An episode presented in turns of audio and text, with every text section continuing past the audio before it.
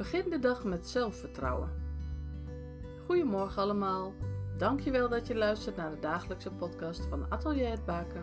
Mijn naam is Tini Lubberink. Zelfvertrouwen is niet voor iedereen vanzelfsprekend. Vertrouwen hebben in wat je doet of denkt of wilt kan afhangen van wat je wilt doen. Hoe goed je in iets bent of wat de ander hiervan vindt. Toen ik jonger was, had ik niet veel zelfvertrouwen. En er was een vingerknip nodig om me onzeker te krijgen. En ik moet heel eerlijk zeggen, afhankelijk van wat het is, het overkomt me zo nu en dan nog steeds. Herken je dit? Zelfvertrouwen kun je laten groeien door te doen, door te ontdekken wat je onzeker maakt. Door de bewustwording dat je oké bent.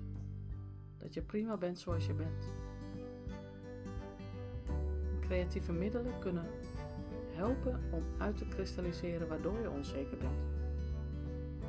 Maar ook om je te laten groeien in je, om zeker te worden.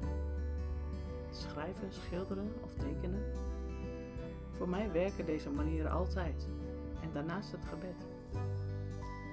Wat werkt er voor jou? Of heb je nog niet de ideale manier gevonden? Mocht je willen dat ik samen met jou ga zoeken naar jouw ideale manier, dan kan ik je helpen. Neem dan even contact met me op. www.atelierhetbaken.nl slash contact